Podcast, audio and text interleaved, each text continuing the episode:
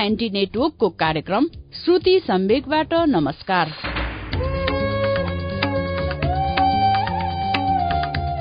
उज्यालो ninety नेटवर्कमा हरेक मंगलबार र शुक्रबार राति सवा नौ बजे कार्यक्रम श्रुति सम्वेक प्रसारण हुन्छ। देशभरिका अठारवटा एफएम रेडियो स्टेशनहरूबाट एकैसाथ प्रसारण भइरहेको कार्यक्रम श्रुति सम्वेगमा हामी वरिष्ठ साहित्यकारहरूका उत्कृष्ट गद्यहरू वाचन गर्दछौं। श्रुति सम्वेकको मंगलबारको श्रृंखलामा हामी कृष्ण धरावासीको उपन्यास आधा बाटो सुनाइरहेका छौं। गएको साता हामीले उपन्यासकार कृष्ण धरावासीसँग कुराकानी पनि गर्यौं।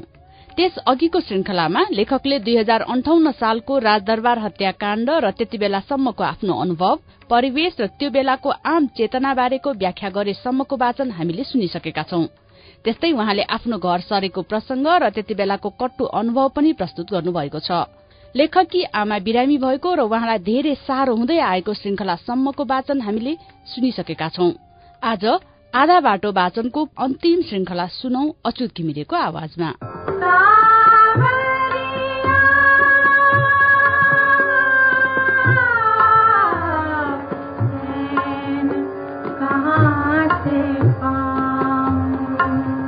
रत्नमणि नेपालको कथा इन्द्रेणी भर्खर छापिएर आएको थियो। नियात्रा प्रकाशनले छापेको यो किताबको परिचर्चा गोष्ठी राखिएको थियो दुई गते।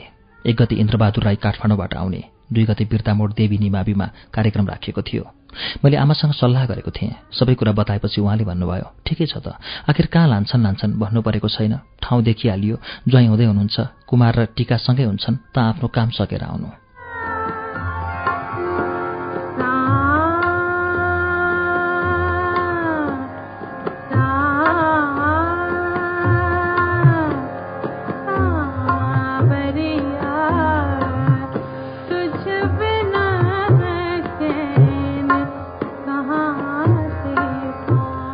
एक गते बिहानै चार बजेको अग्निवशमा बिर्तामोडबाट चढाएँ।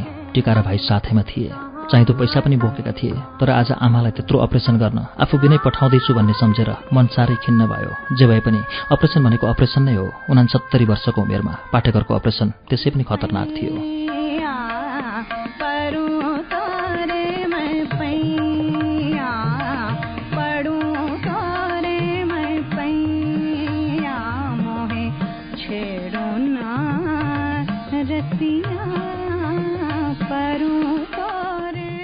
भरतपुर अस्पताल पुग्दा दुई बजिसकेको थियो।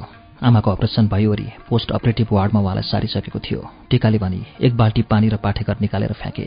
बिरामीलाई राम्रो होस आइ नसकेको हुँदा पेट गर्न जान दिएका थिएनन्। लेखनाथ र म पुगेपछि भाइ फर्किने भयो। आमाको अपरेसन सफल भइसकेको थियो। यता दुईतिर भएको घरलाई पनि हेर्नुपर्ने दसैँ लागिसकेको थियो। कार्तिक दस गते दसैँको टिका थियो। त्यसमा पनि व्यवस्था गर्नुपर्ने थियो। अस्पतालले कति दिनमा डिस्चार्ज गर्ने हो थाहा थिएन।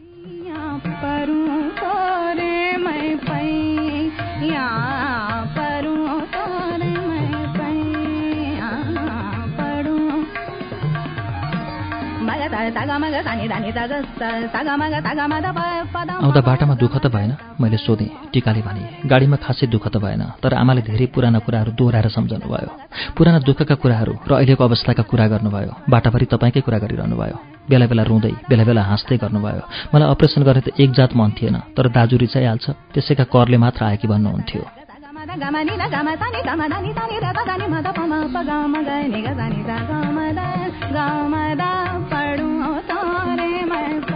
मैले सोधेँ तैँले सम्झाइनस्? सम्झाएँ नि मैले पनि। तर उहाँले मेरा केही कुरा नसुनी। एकहोरो तपाईँले पढेको नाम कमाएको ठुला ठुला मान्छेसँग तपाईँको चिनजान भएको घर बनाएको खर्च वर्च गरेको सबैलाई रेखदेख गरेको कुरा निकालिरहनु भयो बाटाभरि त्यही नै कुरा गरिरहनु भयो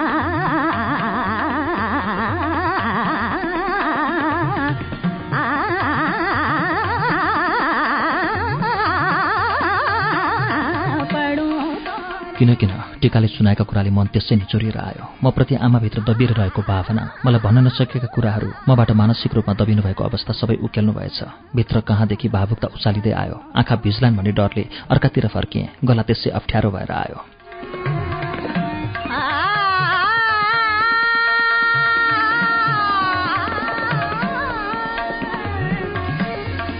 लेखनाथ अस्पतालको परिसर भ्रमणमा निस्केको थियो। ऊ साह्रै प्राविधिक दिमागको मान्छे छ। जहाँसुकै पनि मानिसहरूसँग तुरन्त कुलमिल हुने चिन्जान गर्ने कुनै वस्तुको बनावटको अध्ययन गर्ने उसको स्वभाव छ। उसले एक डेढ घण्टा लगाएर सम्पूर्ण अस्पताल परिसर घुम्यो। म अघिल्लो पटक आएर चार दिन बस्दा पनि मैले आफ्ना सरोकारका कक्षहरूभन्दा अरू केही हेरिनँ। चार बजेतिर एउटी नर्सले ढोकामा आएर कराइन्। अम्बिका भट्टराईको मान्छे को छ? बिरामीको होस आयो। भेट्नुहोस्।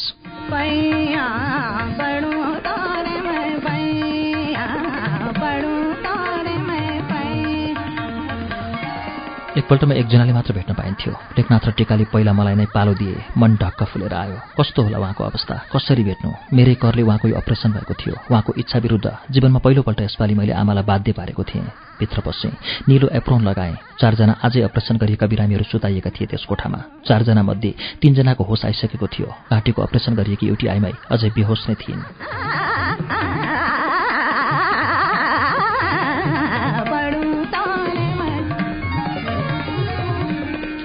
बिस्तारै छेउमा गएर उभिएँ। आँखा चिम्लिएर मस्त निद्रामा जस्तो हुनुहुन्थ्यो। हातबाट स्लाइन चढिरहेको थियो।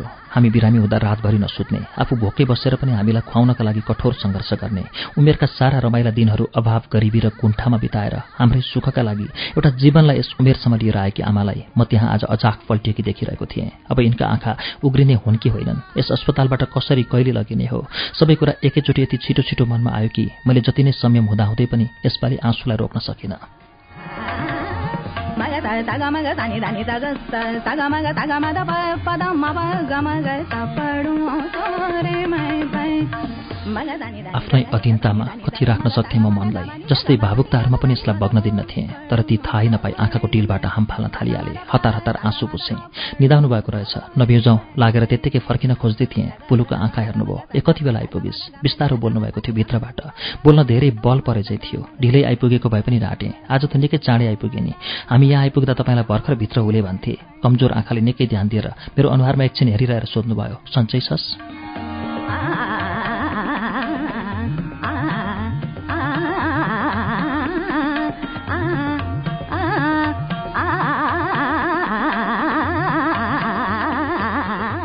प्रश्न सुन्नासाथ सारा शरीर झङ्कृत भयो। कहाँ कहाँ एउटा डरो वस्तुले धक्का दिए जस्तो लाग्यो। कल्पनै नगरिएको प्रश्न थियो त्यो। भन्न त भनिहालेँ सन्चै छु। रुगा निको भयो। तर मलाई आमाको त्यो प्रश्न सारा संसारतिर मानवतातिर फर्किएर उभिएको एक महान प्रश्न जस्तो लाग्यो।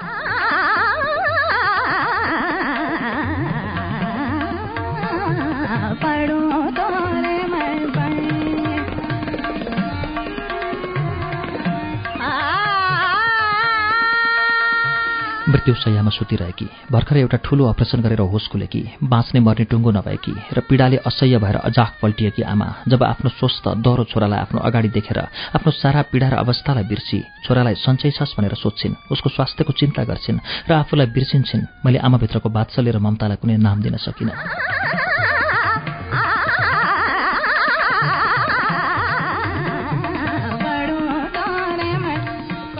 आमाहरू कसरी यति महान हुन सक्छन्? आमामा प्रकृतिले त्यस्तो के भरिदिएको छ जसले तिनलाई सदा अरूका निम्ति आफूलाई दान मार्न मात्र पठाएको छ? अरूकै पीडा व्यथा वेदनाहरूमा रुने चिन्तित हुने सन्तानका सुखमा नै आफूलाई जीवन्त ठान्ने आफू भोकै नाङ्गै अशक्त हुँदा पनि सन्तानकै मायामा लागिरहने कस्तो मन दिएको उनलाई? म त एउटा बयालिस वर्षको भइसकेको सारा व्यवहारको जिम्मा लिइसकेको तीन सन्तानको पिता थिएँ। आमाले यसबेला आफ्नो शारीरिक पीडामा रुनु छटपटाउनु पर्ने मलाई आफ्नो व्यथा पोखेर मबाट सान्त्वना खोज्नुपर्ने आलस तालस भएको यसबेला त्यही आलस तालसलाई अझ बढाउनु पर्ने म त्यहाँ त्यसरी सुतेको र आमा मलाई हेर्न आउनुभएको भए म पहिला आमाको सन्चो बिसन्चो सोध्थेँ होला। ममा त्यति महान त कहाँ छ? म त आमाको माया खोज्दै झन रोग बढाइदिन्थेँ होला झन बढी अशक्त बन्न खोज्थेँ होला दुरु दुरु रोइदिन्थेँ होला।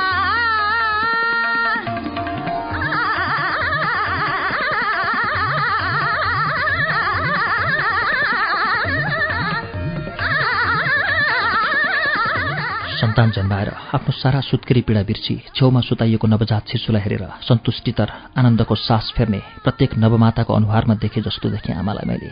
आफू सन्चै रहेको बताउँदा उहाँका अनुहारमा जुन भाव फैलियो त्यहाँ एउटा चिर आनन्द र शान्ति थियो। एकछिन हेरिरहेँ ठुलो ठुलो आँखा चिम्लिसक्नु भएको थियो। मन त्यति भावुक र कारुणिक भएको थियो कि त्यहाँ उभिरहनु मलाई कठिन हुन थाल्यो। बिस्तारै भने बाहिर लेखनाथ पनि छ उसलाई पठाइदिन्छु। पुलुक्क हेर्नुभयो हुन्छ भनेर टाउको हल्लाउनु भयो बोल्न सक्नु भएन Yavum dove beli hari, Yavum dove beli hari, Yavum dove beli hari, Yavum dove beli hari, Yavum dove beli hari. म बाहिर आइपुग्दा साह्रै नै भावुक भइसकेको थिएँ। बोल्नै गाह्रो भइरहेको थियो। कस्तो छ भनेर सोधे दुवैले। बोल्नुभयो मात्र भन्न सकेँ। त्यसपछि पालै पालो लेखनाथ र टिकाभित्र पसेर निस्के। टिकाभित्रैदेखि आँखा छोप्दै निस्केकी थिए। ऊ धेरै बेरसम्म पनि बाहिर आएर बोल्न सकिन बरन्डाको कुर्सीमा बसेर पर परतिर हेर्दै आँखा पुछिरहे।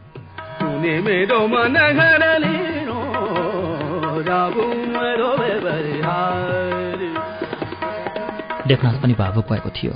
बालककालमै मातृवियोग खपेको उसलाई। विगत बिस वर्षदेखि नै आमाले जेठो छोरो चाहिँ माया गर्नुभएको थियो। मभन्दा जेठो भएकाले उसलाई म कालदाई भन्थेँ। उसले पनि हाम्रो परिवारमा हरेक दुःख सुखमा धेरैजसो साथ दिएको थियो। रमाइलो खुसीमा पनि आफत अप्ठ्यारा र दुःखमा पनि लेखनाथको खोजी हुन्थ्यो। उसको अनुपस्थिति हाम्रा लागि एउटा खाडल थियो जहाँ पनि लेखनाथ र म एकअर्काका छाया जस्ता थियौँ। हाम्रा बीचमा सानोतिनो रकमको लेनदेन ऋणपनको कुनै हिसाब हुँदैन थियो। एकले अर्कालाई दिएरै जित्न मन लाग्थ्यो। हामी दुवैजना बिमारी थियौँ। मलाई रुगाले छोडेको थिएन। लेखनाथ दुई तिन महिनादेखि नै सुक्खा खोकिरहेको थियो। खोकीको साधारण औषधिले काम गरिरहेको थिएन। लामो समयसम्म सुक्खा खोकिरहनु राम्रो होइन भन्थे साथीहरू।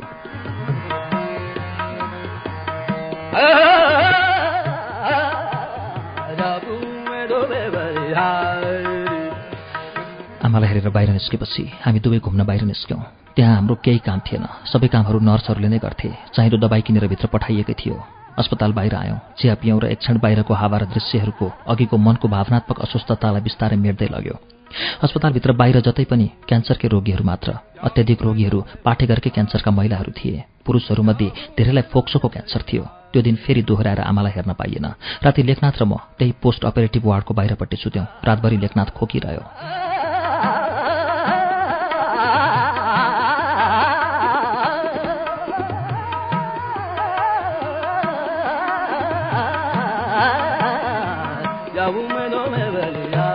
त्यो दिन फेरि दोहोऱ्याएर आमालाई हेर्न पाइएन। भोलिपल्ट नौ बजे डाक्टर दङ्गाल बिरामी निरीक्षण गर्न भित्र बस्नुभयो। करिब एक घन्टापछि उहाँ बाहिर निस्कनुभयो। उहाँले भन्नुभयो बधाई छ तपाईँहरूलाई। उहाँलाई क्यान्सर रहेनछ।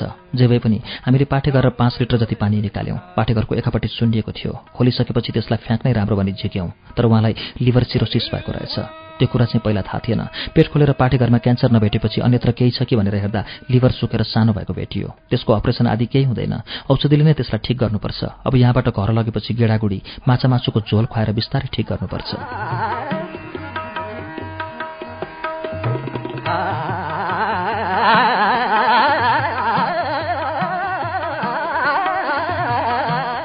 डाक्टरसँग मैले भने गेडागुडी माछा मासु त ग्यास्ट्रिक छ कसरी खान सक्नुहुन्छ र तुरुन्तै असर गरिहाल्छ? त्यसको पनि उपाय छ औषधि दिन्छौँ डाक्टरले भने। लिभर सिरोसिस भनेको रोगको कस्तो अवस्था हो भन्ने मलाई थाहा थिएन लेखनाथले भन्यो। ला कलेजो खत्तम भएछ आमाको पेट सुनिने खुट्टा सुनिने खाएको नपच्ने सबै त्यसैले पो रहेछ। निकै बेरपछि उसले फेरि भन्यो आमालाई निको पार्न सक्छस् के कान्छा? रोग त कडा लागेछ। लेखनाथले पनि त्यसो भनेपछि मन खिन्न भयो। अपरेसन सफल भएपछि मन हलुका भएको थियो तर यो नयाँ रोगको जानकारीपछि फेरि मन पहिलेकै जस्तो भारी भएर आयो। जाऊं मैं धोबे बलिहारी जाऊं मैं धोबे बलिहारी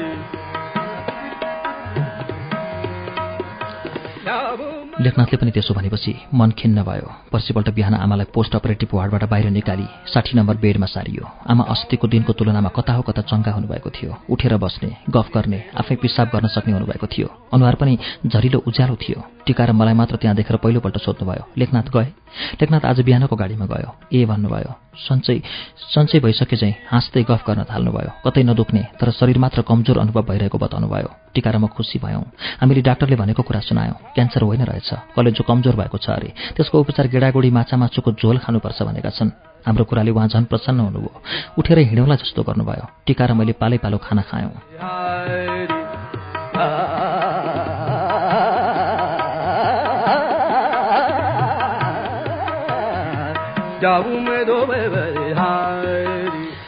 टिका खाना बनाउन गएका बेला म आमाकै गोडामुनिको काठको बाकसमाथि बसेर गरिमाले लगाएको काममा लागिरहेँ। उहाँले मलाई एकहोरो कविताहरू पढिरहेको देखेर भन्नुभयो तैँले यी कविताहरू लिएरै आएको थिइस्? कहिलेसम्म पढिसक्नुपर्ने? पन्ध्र दिनभित्र भन्थे। पन्ध्र दिन त नागी पनि सक्यो होला। ढिलो भए पनि पठाउन चाहिँ पठाउनु नि नानी। उहाँदेखि सम्झेर तँलाई काम दिएका छन्।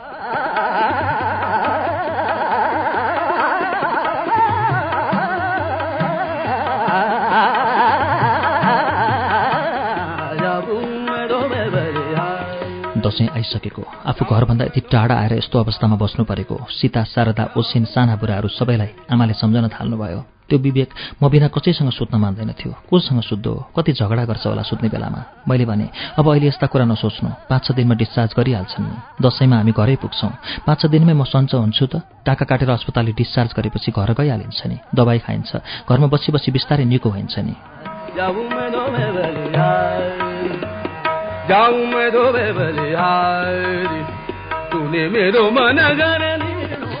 तर मलाई थाहा थियो आमालाई जाति हुन धेरै समय लाग्छ। कलेजो ठिक नभएसम्म पाठेघरको समस्या हटे पनि पेट दुख्ने र खाएको नपस्ने रोग पनि जीवित नै रहने थियो। औषधिबारे त्यत्रो ज्ञान नभए पनि मलाई के लाग्यो भने लगातार दुई चार वर्षको एन्टिबायोटिक पेन किलर र डाइजिन औषधिका कारण नै कलेजो ड्यामेज भएको हुनुपर्छ। अन्यथा आमा जाँड रक्सी नखाने मान्छे उहाँलाई लिभर सिरोसिस हुने त के कारण हुन सक्थ्यो होला र चार वर्ष अघिसम्म चुर खानुहुन्थ्यो। अब त त्यो पनि छोड्नु भएको थियो।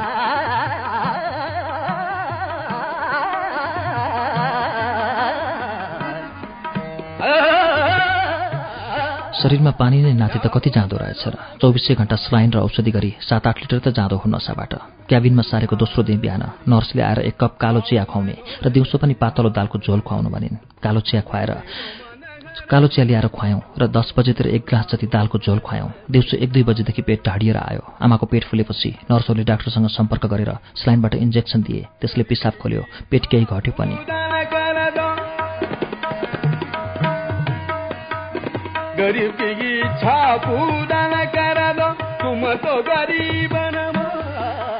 एकचालिस सालमा बिहे भएर गएपछि टिका र मैले यति लामो समय एकै ठाउँ सँगै बिताउन पाएका थिएनौँ। धेरै दुःख सुखका कुराहरू भए वर्तमान र भविष्यका कुराहरू भए उसको गार्मेन्टको जागिरका समस्याका कुराहरू भए हुर्किँदै गएका छोराछोरीका कुराहरू भए।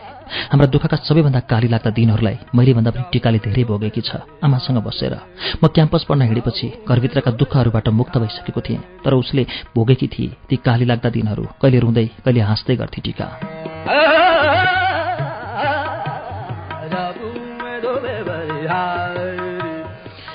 बेला बेला पेट फुले पनि औषधिले घटाउँथ्यो। आमालाई कता हो कता सन्चो भए जस्तो देखिन्थ्यो। रात दिनको ऐया अत्था र ढ्याउ ढु डकार केही थिएन तर एकपल्ट दालको झोल खाएर पेट फुलेपछि फेरि उहाँलाई खानेकुरा खुवाउन डाक्टरहरूले रोकेका थिए। छ गते दिनभरि जस्तै पेट फुलेको थियो।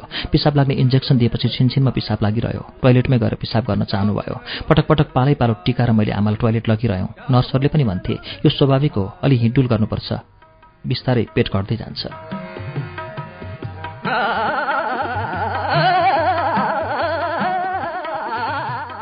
हामी अहिले उज्यालो नाइन्टी नेटवर्कको कार्यक्रम श्रुति सम्वेगमा उपन्यासकार कृष्ण धरावासीको उपन्यास आधा बाटो सुनिरहेका छौं। केही बेरपछि यसको बाँकी अंश लिएर आउँछौ। उज्यालो सुन्दै गर्नुहोला।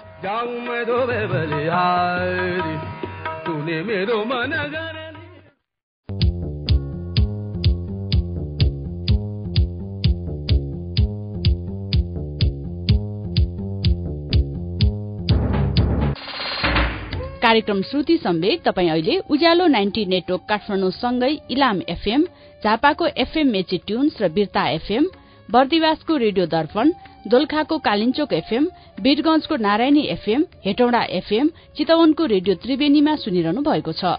त्यसै गरी फलेवासको रेडियो पर्वत गुल्बीको रेडियो रेसुङ्गा पोखराको रेडियो तरंगमा पनि श्रुति सम्वेक बजिरहेको छ। रेडियो प्युठान दाङको रेडियो मध्यपश्चिम कपिलवस्तुको रेडियो बुद्ध आवाज भेरीको रेडियो कोहलपुर सल्यानको रेडियो राप्ती सुर्खेतको रेडियो भेरी र जुम्लाको रेडियो कर्णालीबाट पनि अहिले एकैसाथ श्रुति सम्वेक प्रसारण भइरहेको छ। श्रुति सम्वेकको आजको श्रृंखलामा हामी कृष्ण धारावासीको उपन्यास आधा बाटोको अन्तिम श्रृंखला सुन्दैछौ। उपन्यासको बाँकी अंश अब।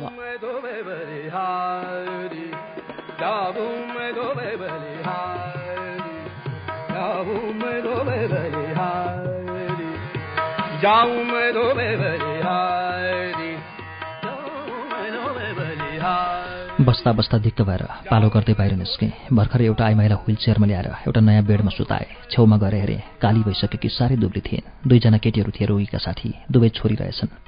आमालाई बेडमा सुताएपछि एउटी चाहिँ केटी बरन्डातिर गइन्। म पनि बिस्तारै तिनको पछि गएँ। उनी बरन्डामा एक्लै रुन गएकी रहेछन्। पछि पछि म पुगेकाले राम्ररी रुन पाइनन् मैले परिचय गर्दै रोगीको बारेमा सोधेँ। तिनले भनिन् आमालाई यही अस्पतालमा पाठेकरको अपरेसन गरेको दुई वर्ष भयो। अपरेसन गरेपछि त एकै दिन पनि आराम छैन। हुन त पाठेकरको बिमार देखिएपछि तुरन्त अपरेसन गर्नुपर्छ भन्छन् डाक्टरहरू। तर अपरेसन गर्नुभन्दा नगर्दा बिरामीले बढी आरामसँग मर्न पाउँछ जस्तो लाग्यो मलाई। आमाकै जस्तो समस्या भएका गाउँका गरिब आइमाईहरू अझै ठमठम हिँडिरहेका छन्। घाँस दाउरा गरिरहेछन्। हामीले भने पैसाको बल देखाए चाहिँ कुदाएर ल्याएर अपरेसन गऱ्यौँ। त्यसपछि त झन् यो यति चाँडो फैलियो कि शरीरभरि भयो। अपरेसनपछि केमा चलाइयो?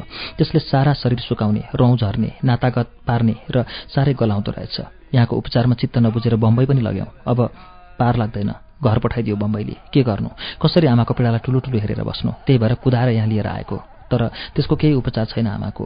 छि। यो मर्ने निश्चित भएको बिरामीलाई छिनछिन कुर्नु कति गाह्रो काम रहेछ। तिनी आँखाबाट निरन्तर आँसु बगाइरहेकी थिइन्। टिका टिका कुराले अलिक शान्त र डह्रो भएको मन फेरि लल्याक लुलुक भयो। अपरेसन त गरिहाल्यौँ तर पेट फुलेको र त्यो राम्ररी नघटेकोले मनमा केटीका कुराहरू डरलाग्दो भएर बसे।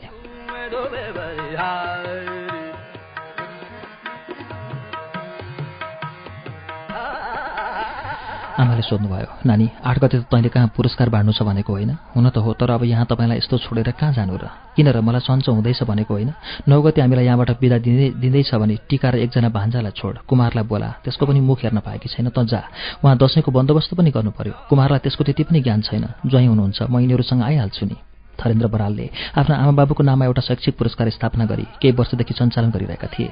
आफू काठमाडौँमा बसेर भए पनि झापा राजगढमा त्यो पुरस्कार वितरण गरिन्थ्यो। थरेन्द्रजीले काठमाडौँबाटै फोन गरेर यसपालि दशैंको अष्टमीका दिन उक्त पुरस्कार समारोहको प्रमुख अतिथि भइदिन अनुरोध गर्दै हस्ताक्षर मागेका थिए। काठमाडौँमै तयार गरिने मेटल प्लेटका लागि हस्ताक्षर मागिएको थियो तर त्यसको रामा मनमा भए पनि आमालाई भनेको थिएन मैले। त्यस्तै आमा छोडेर कहाँ प्रमुख अतिथि हुँदै हिँड्नु? तर आमाले नै बिदा दिएपछि मैले पनि सोचेँ आमाले ठिकै भन्नुभएको हो। दुई दिनपछि डिस्चार्ज गरिहाल्छ त्यसपछि त जसले लिएर आए पनि भयो। मैले आमाको कुरालाई ठिक माने।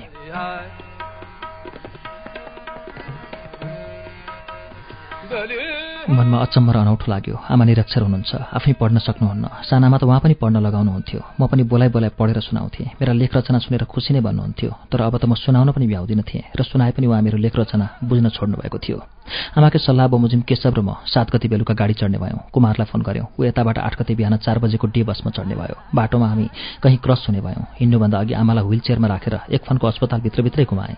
उहाँले त्यस्तो उस्तो केही पनि भन्नु भएन। अस्पतालको बरन्डामा आइपुगेपछि उहाँले भन्नुभयो मलाई केही भइगयो भने पनि तैँले त्यो नानुलाई चाहिँ माफी दिनु। त्यसले तेरो साह्रै चित्त दुखाएकी छ तर बहिनी हो माफी दिनु। एकाएक आमाले यस्तो कुरा गरेको सुन्दा मन झस्सँग भयो। आमाको आँत त हरेस खान थाल्यो कि के हो जस्तो लाग्यो। त्यति डरो आत्मबल भएकी मान्छे किन यस्तो कमजोर कुरा गर्न थाल्नुभयो? मैले भने उसलाई त मैले उहिले नै माफी दिइसकेँ। तपाईँले कुनै पिर लिनु पर्दैन। यसले भाइ बहिनीलाई नराम्रो गर्ला रिसाउला भन्ने सोच्दैन सोच्नु। उनीहरू मभन्दा सक्षम भए स्वयं निर्णय गर्न सक्ने भए साहसी भए आफूले रोजेको मान्छेसँग बिहे गरे सुखी छन् नि।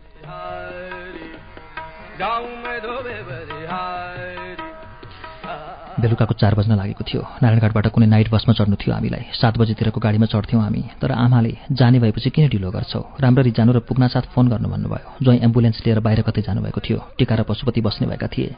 आमाको व्हिल चेयर समातिरहेकी टिकाको हातबाट स्लाइनको बोतल आमालाई समात्न दिएर मैले टिकालाई अलिक पछाडि लिएर गएँ। त्यहाँ हाम्रा वरिपरि अरू पनि नचिनेका बिरामी गुरुवाहरू थिए।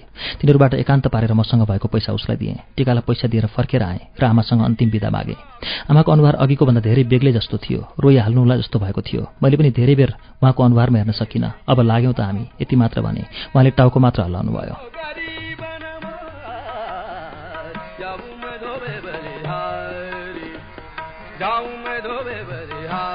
अलिक तल चौरमा पुगेर फर्केर हेरेँ। आमा हामीतिरै फर्केर हेरिरहनु भएको थियो। के भयो के भयो मन? कुदेर फर्केर आमातिरै जाउँ जस्तो भएर उठेर आयो तलैबाट। केशवले भने आमाले सानीमालाई एकान्तमा लगेपछि त हजुरआमाको अनुहार एकैछिनमा कस्तो कस्तो डर लाग्दो भयो। त्यस्तो अचम्मको त हजुरआमाको अनुहार कहिले देखेको थिएन। एकदम डराए जस्तो भएको थियो उहाँको अनुहार। केशवको कुरा सुनेपछि मलाई झन् साह्रो पर्यो। मैले ठुलो गल्ती गरेछु जस्तो लाग्यो। त्यो व्हिल चेयरलाई नै ठेलेर पछाडि लागि आमाकै अघि टिकालाई पैसा दिएको भए आमाको मनमा त्यस्तो कुनै शङ्का उब्जाइने थिएन होला। उहाँलाई लाग्यो क्यारे मलाई कडै रोग लागेको रहेछ। यसले मलाई सुनाउन चाहेन। मनमा त्यस्तो शङ्का पस्नासाथ उहाँको अनुहार बिग्रिएछ। मलाई बाटाभरि पनि त्यो कुराको ठुलो पश्चाताप भइरह्यो। जीवनमा मैले कहिल्यै आमाबाट केही कुरा लुकाएको थिइनँ। तर आज कस्तो शङ्कास्पद व्यवहार गरेछु मैले।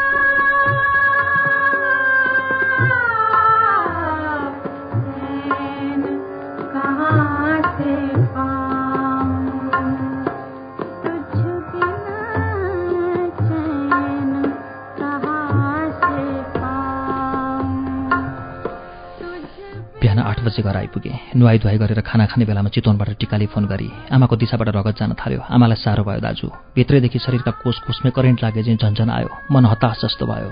आमाभन्दा म झन्डै सात घन्टाको बाटो टाढा आइपुगेको थिएँ। अब झट्टै मैले गर्न सक्ने कुरा केही थिएन। उनीहरूलाई ढाडा सोस् भनी भने आत्तिनु पर्दैन। पाठेघरकै रहल पहर फोहोर रगत बगेको होला। डाक्टरलाई देखाउनु। डाक्टरले हेरेर दबाई पनि लेखिदिए। चार पाउन्ड तातो रगत मागेका छन्। भिनाजुलाई भन्नु नआत्तिनु। अस्पतालमै छौ। सारा डाक्टर नर्स त्यहीँ छन्। उनीहरूले केही पनि हुन दिँदैनन्।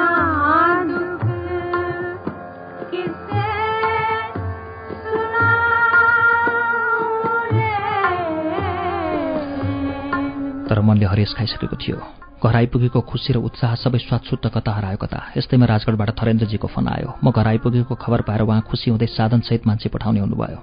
एघार बजीतिर म राजगढ गएँ। कार्यक्रममा पुग्न साथ सुरु भयो। मैले थरेन्द्रजीलाई आमाको स्वास्थ्य अवस्थाको बारेमा जानकारी गराउँदै चाँडै विदा गरी मागे। पुरस्कार बाँडिसक्ने बित्तिकै मैले सम्पूर्ण उपस्थित श्रोताहरू दर्शकहरूसँग कारण जनाउँदै विदा मागे। तीन बजीतिर म घर आइपुगेँ घरमा तीन चारपल्ट फोन आइसकेको रहेछ। आमाको स्वास्थ्य छिनछिनमा गिर्दै गरेको समाचार सुने। छ बजीतिर भाइले फोन गर्यो दाजु यहाँ तातो रगत पाइएन पुरानो रगत आमाको शरीरले लिएन जस्तो दिएको त्यस्तै गयो दिशाबाट। डाक्टरहरू लागेका लागेछन्। आमा मलाई घर लैजाऊ भन्न थाल्नुभयो के गर्ने? मैले भने डाक्टरसँग सल्लाह गर्ने डिस्चार्ज गरेँ भने भिनाजुलाई भनेर एम्बुलेन्समा लिएर आउनु। म यहाँ रगतको प्रबन्ध गरिराख्छु। कस्तो छ अवस्था? बोलिरहनु भएको छ। पेट फुलेको फुलेकै छ। खालि तपाईँलाई खोज्नुहुन्छ।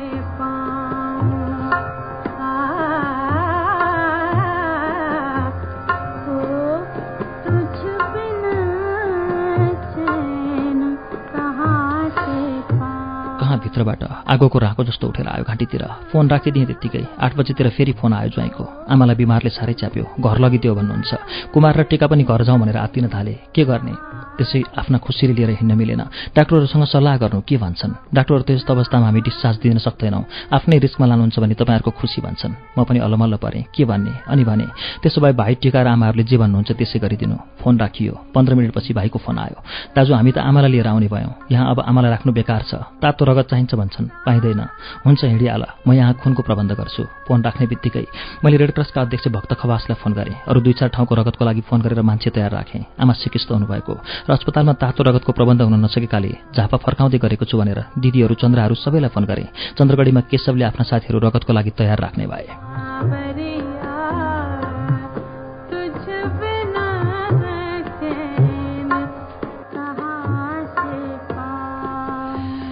मन एकदम नै अव्यवस्थित भएको थियो। दसैँको अष्टमी भइसकेको थियो। सबै मानिसहरू रमाइलोमा व्यस्त थिए। हतार हतार खाना खाइयो रुचेन। साढे नौ बजी फेरि ज्वाइँको फोन आयो। दाई हामीले केही गर्न सकेनौँ। आमा सकिनु भयो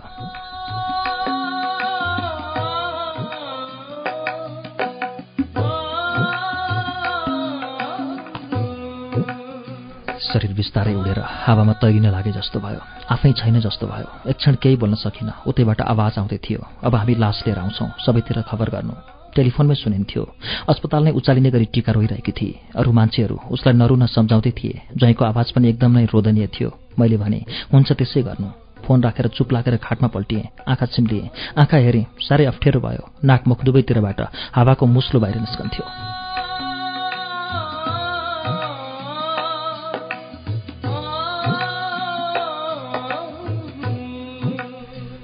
आमा सुत्ने खाटको एक छेउमा विवेक निधाइरहेको थियो। बाँकी सिँगै खाट खाली थियो। अब त्यो खाटमा कहिले आमा सुतेको नदेखिने भयो। आमा बिना सुत्न नमान्ने यस केटाले पनि अब एक्लै सुत्न अभ्यास गर्नुपर्ने भयो। म विचलित भएको देखेर सीताजी छेउमा आएर अँध्यारो अनुहार पार्दै बसिन्। किन यस्तो जिउ छोडेको? के भयो? लामो सास फेरेर भने आमा त सकिनु भयो नि सिते। अब आमा हुनुहुन्न। उनी केही बोल्न सकिरहन् धेरै बेरसम्म चुप लागिरहन्। आँखा मात्र पुछिरहेको देखेँ।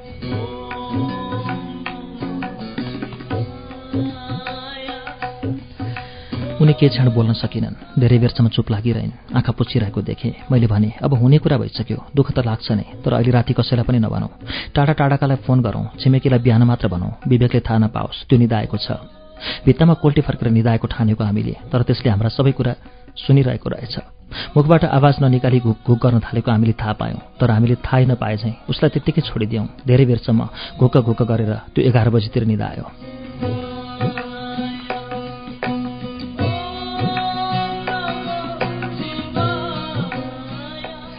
सीताजीलाई बताइसकेपछि अलिकति मन हलुका भयो। कान्छी फुपू पल्लो खाटमा सुत्नु भएको थियो। उठेर आएर हाम्रो छेउमा भुइँमा बस्नुभयो। म ठाउँ ठाउँमा फोन गर्न थालेँ। मेरो फोनको भाषा सुनेर। कान्छी दिदीले आति नै सोध्नुभयो होइन तिमी त फोनमा कसलाई के भन्दैछौ कृष्ण? भाउजू छैनन् कि के हो?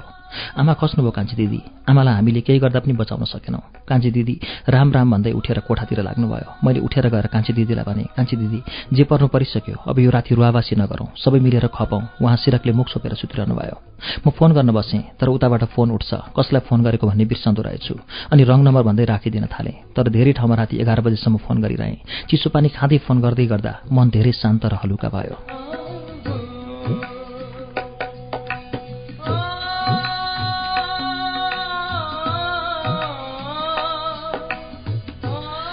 बत्ती निभाएर सुत्यौँ तर आँखा पटक्कै टालिएनन्। आँखाभरि सारा जिन्दगी गुजुटिएर गाँठो परेर आयो।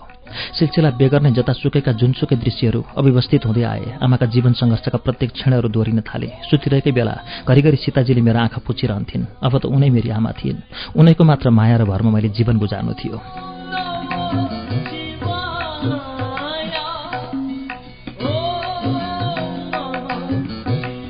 मैले पढेका जाने बुझेका किताबका ज्ञान तर्क बुद्धि र दर्शनहरू सब अनुपस्थित थिए। खालि एउटा मन मात्र दर्दनाक चित्कार गरिरहेको थियो म भित्र। त्यसको बिलौना र छटपट्टिका अघि अरू बेला मैले निबन्धहरूमा छाँट्ने दर्शन मृत्युबारेका निष्प्रियताहरू सबै कता पुगे पुगे। त्यसरी हाँस्दै रमाइलो गर्दै जिस्कँदै कति राम्रोसँग आमाले नै विदाय गरेर पठाउनु भएको थियो हिजो मलाई। आज यसरी आमा खसिहाल्नु होला भन्ने त कसले कल्पना गरेको थियो र सारा जिन्दगी आमालाई साथ दिएँ। हरेक आफत र अप्ठ्याराहरूमा आमालाई कहाँ थापेँ तर त्यो अन्तिम कष्टका बेला प्राण जाने बेलामा अन्तिम छटपटाइका बेला मैले उहाँलाई आफ्नो हात बलले समात्न दिन सकिनँ। उहाँले यो सृष्टिभरिकै लागि यस संसारबाट अन्तिम विदाय लिइरहेका बेला मैले हात हल्लाएर अलविदा गर्न पाइनँ। ठुला ठुला आँखाले खोजिरहनु भएको थियो अरे अन्तिम बेलामा पनि।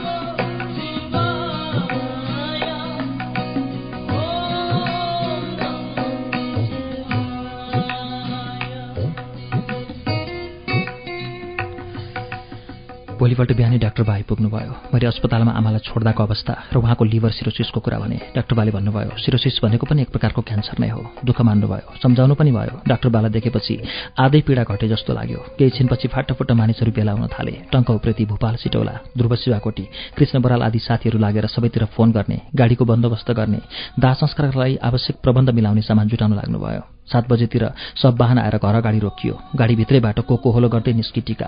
पशुपति र कुमार चुपचाप थिए। आमाले घर आइपुग्ने दिन त आजै थियो। अस्पतालको डिस्चार्ज दिइसकेपछि एम्बुलेन्समा सुत्दै बस्दै आरामसँगले ज्वाइँले नै हाकेको गाडीमा आउने सल्लाह थियो। सल्लाहमा पक्का आउनुभयो आमा तर एम्बुलेन्समा आउनु भएन सब वाहनमा आउनुभयो। मसँग नबोल्ने भएर रिसाएर हेर्दै नहेर्ने भएर आउनुभयो।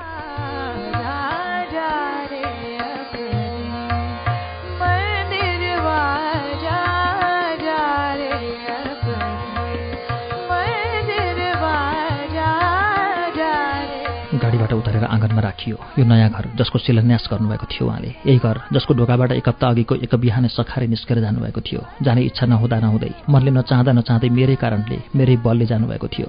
आज यसै घरको आँगनमा सारा संसारसँग अन्तिम विदाय लिन भरतपुर अस्पतालबाट आफ्नो एउटा शरीर मात्र पठाइदिनु भयो। चेतना शून्य केही क्षणदेखि नै आँगनमा मृत्युको घोर उपस्थिति प्रारम्भ भयो। मन नै चिरेर लाने कानै थुन्न मन लाग्ने। कहिले कसैलाई सुन्न मन नलाग्ने एकहोरो शङ्का बज्न थाल्यो। आँगनमा ल्याएर हरियो बाँस काट्न थाले। आमाको लासको छेउमा बसेर दिदीबहिनीहरू रुन थाले। आहा यस नयाँ घरमा एउटा खुसी उल्लास र रमाइलो पनि गर्न नपाई। महाशोकको रोदन रुन थाल्यौँ सबै। निदाएको जस्तो कति शान्त सुत्नु भएको छ। आमा हल्लायो भने बिउजी हालौँला जसरी। मानिसहरूसँग सामान्य गफ गर्छु। कसलाई के भन्छु? कसलाई के भन्छु? फेरि बिर्सिहाल्छु। यिनकै कोखाबाट जन्मिएर यिनकै मायाले बाँधिएर यत्रो भएको म। आज एउटा प्राकृतिक महायात्राको प्रारम्भ गरिरहेकी आमामाथि भावुक हुनु स्वाभाविक थियो।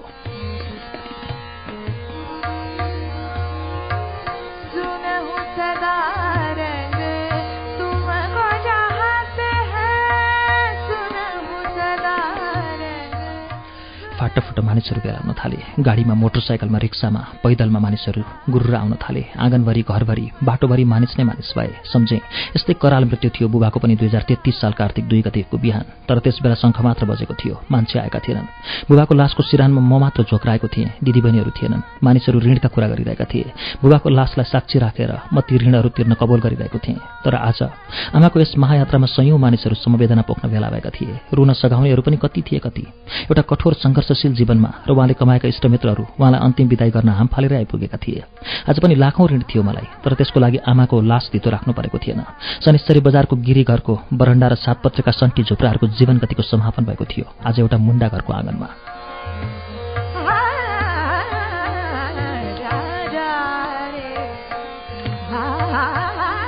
मैले आमालाई जीवनमा केही उपहार दिन नसके पनि उहाँलाई एउटा आफ्नै मुन्डा घर तिन महिना भए पनि उपहार दिएँ। आज त्यही घरको आँगनबाट उहाँको शवयात्राको प्रारम्भ हुँदैछ।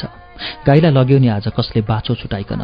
गाईलाई लग्यो नि आज कसले बाटो छुटाइकन? पोथी पास परिपरि नि गुणका बच्चै नहुर्किकन के हेर्छौ यतिको बिजोग धरती माता तिमी फाट हे के हेर्छौ यतिको बिजोग धरती माटा तिमी फाट हे आमा बालक किन मार भगवान संसार भर्ने भए? गौरी शोक काव्यबाट।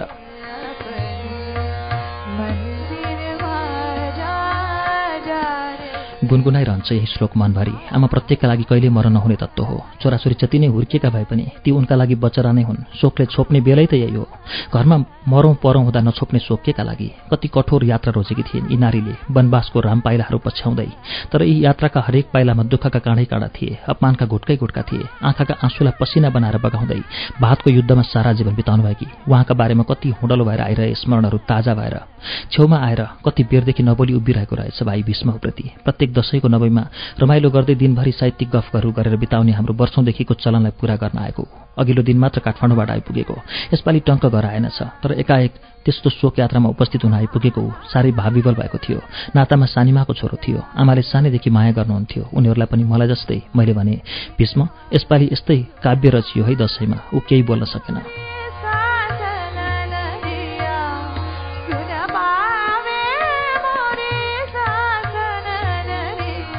एउटा इतिहासको पटाक्षेप भएको थियो एउटा जीवनयात्राको विसर्जन भएको थियो एउटा सङ्घर्षले विजय प्राप्त गरेको थियो। बुबाले गरिबीको अनकन्टारमा छोडेर जानुअघि आँखाभरि आँसु पारेर हे भगवान् बरु मलाई पहिला मार म मरिगएँ भने यसले केटाकेटी हुर्काउँछे। ऊ पहिला मरि भने मैले यिनीहरूलाई कसरी बचाउनु? भन्दै संसारबाट बिदा लिनुभएको थियो। हामीलाई हुर्काउन सक्ने आँट नभई आमालाई जित्दै बुबा मर्नुभएको थियो। छब्बिस वर्षको यो एक्लो सङ्घर्षशील यात्रा हिँडेर आमाले आज एक्लै गोल छिराउनु भएको थियो जित्नु भएको थियो।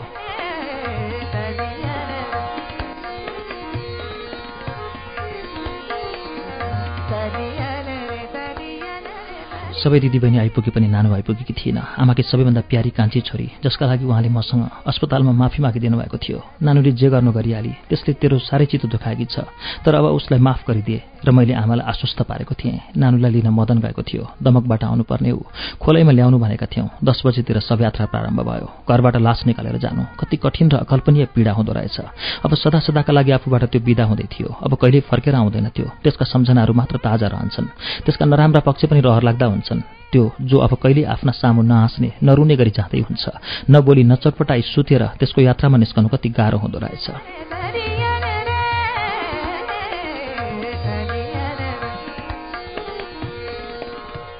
कन्काई नदीमा पुगेर नानुलाई पर्खन थाल्यौँ। साढे बाह्र बजे त्यो आइपुगी। ओहो अब पो गाह्रो भयो थाम्न। यस्तो बिलाप त हामी कसैले गरेका थिएनौँ। लासको अनुहार पुस्छे सुमसुमाउँछे रुन्छे साह्रै नै असह्य भयो त्यो क्षण। सबै मिलेर चिता बनायौँ सुतायौँ बिजाउने दाउरामाथि निर्वस्त्र र सबैले मिलेर लगायौँ आगो। आगो कति रमाएर बल्न थाल्यो। यस धरतीमा एक छोटो अवधिका लागि जन्मेर लीला गर्न आउनुभएकी उहाँ सबैसँग विदा मागेर पञ्चतत्वतिरै फर्कन लाग्नुभएको थियो। प्राण हावालाई आत्मा तेजलाई शरीर आगोलाई रस पानीलाई र खरानी धरतीलाई बाँडिदिएर आमा आकाशमा व्यापक बनिसक्नु भएको थियो। शिरमाथि अनन्त आकाश भएर फैलिएकी आमाले जुन र घामका उज्याला आँखाहरू खोलेर रात दिन हामीलाई हेरिरहने हुनुभएको थियो। धरतीतिर घोप्टो परेर माथि टाँसिएको विशाल आकाशमा आमाका एकजोडी आँखाहरू सदा हाम्रा कर्मलाई हेरिरहने भएका थिए। मैले एकपल्ट सूर्यलाई हेरेँ त्यो आमाकै आँखाको ज्योति थियो। सारा पुराना इष्टमित्रहरू सबै शनिश्चर्यमै भएकाले माथि नै काम गरिने भयो। वास्तवमा समाजले कति माया र आदर गरेको रहेछ भन्ने वास्तविक अनुभव भयो त्यस बेला सहज अवस्थामा झगडा पनि भए बाजाबाज पनि भए एकअर्काका विरुद्ध अपशकुन पनि सोचिए तर यथार्थमा समाजको मूल्याङ्कन हुन्छ। आफूलाई परेको प्रकोपहरूका बेला असङ्ख्य मानिसहरू संवेदना पोख्न आए पत्रिकामा संवेदनाहरू छापिए।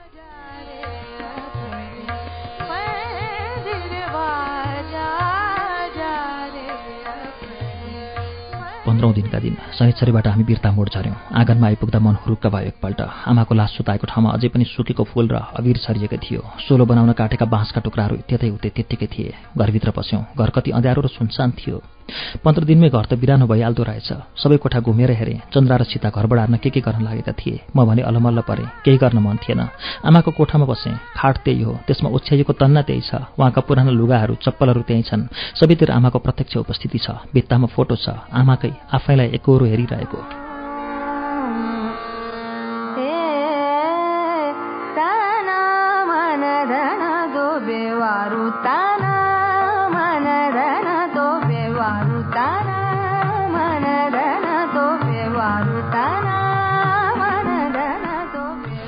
मनमा जति नै पीर र व्यथा भए तापनि मैले दिदीबहिनी र अरू आफन्तहरूले जस्तो दिल खोलेर रुन पाएको थिएन। मलाई आमाको मृत्युमा बसेर रुने फुर्सद नै थिएन।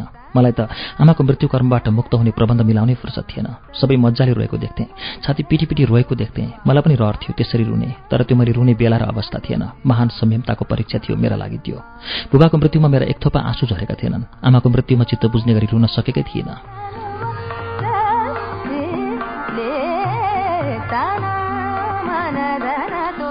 पन्ध्रौँ दिनका दिन आमाको कोठामा बसेर उहाँका सबै स्मरणीय सामानहरूलाई देखेपछि एकाएक आँखाबाट वर्षाको भेल जस्तो नथामिने गरी आँसु बग्न थाल्यो।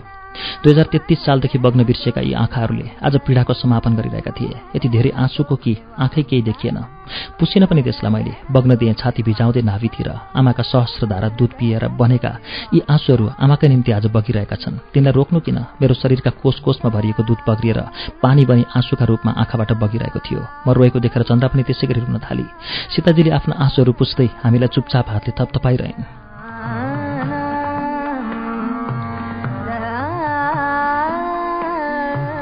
धेरै बेरपछि आँसु बग्न छोडे। मन शान्त भयो। मेरो घाँटीमा ढुङ्गो जस्तो गाँठो परेर बस्नुभएकी आमा पग्लेर आँखाबाट बाहिर निस्कनु भएको थियो। अब घाँटीमा कुनै गाँठो थिएन। आँखामा आँसु थिएन। आमाले मबाट अन्तिम विदाय लिनुभएको थियो। सदा सदाका लागि।